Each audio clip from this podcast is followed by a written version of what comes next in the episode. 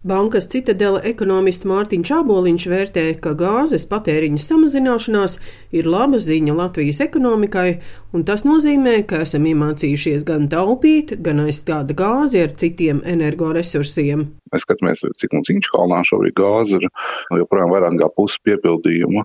Ir labāk nekā mēs gaidījām, un teiksim, tādas bažas par kaut kādu enerģētisko nepietiekamību šajā ziemā, tie riski būtiski mazinājušies. Tā, es teiktu, tā ir laba ziņa, un savā ziņā arī pārsteigums, cik ātri mēs varam gan samazināt patēriņu, gan taupību. Nu, vienkārši nelietojam, to mēs redzam elektrības patēriņš, kas arī ir mazāks šobrīd nekā bija teiksim, pēdējos gados ap 10% svārstās Latvijā.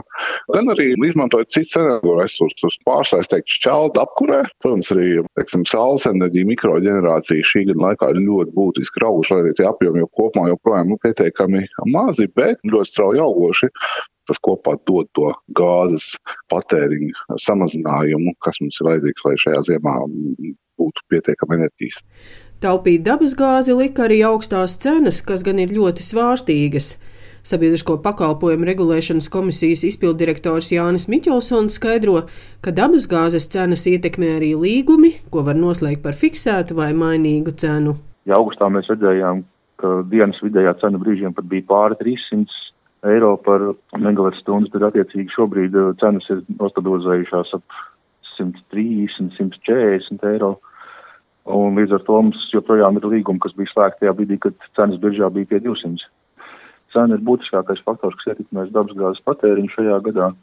No pārvades operatoru Konekšas mājaslapas redzam arī dati jau par pilniem 11 mēnešiem, samazinājums ir 36,1%.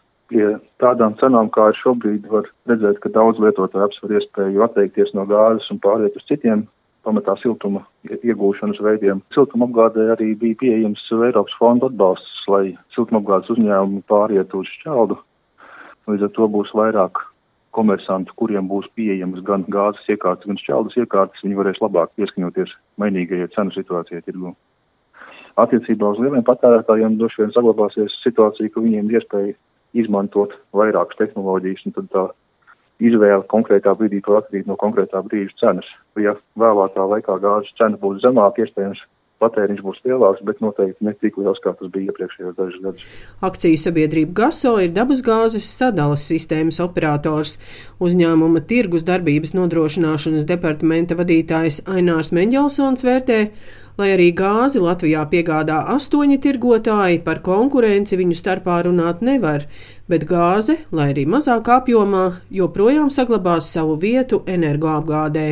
Ja mums ir vairāki piegādes avoti, tad no šīm vairākiem piegādes avotiem mums rodās konkurence, bet ja šie visi tirgotāji pērk šo gāzi no viena vai diviem avotiem, kas atrodas ārpus Latvijas, nu, tad tā konkurence ir nosacīta.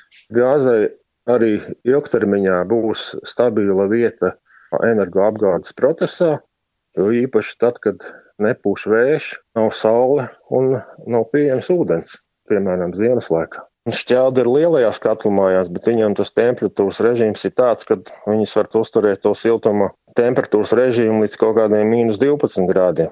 Ja tā temperatūra ir zemāka, tad īstenībā nepieciešams papildus piekurināt ar gāzi.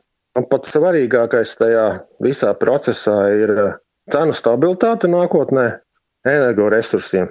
Un nerunājot tikai par gāzi.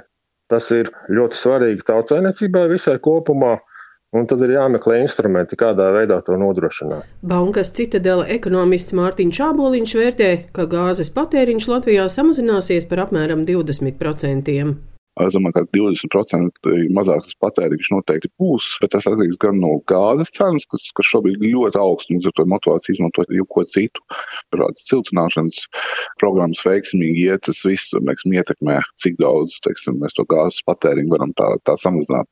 No vidējā termiņā arī šie visi klimata zaļie mērķi, emisiju samazināšana, kas mums ir jāsasniedz, arī faktiski liks mums turpmāk mazināt gāzes patēriņu.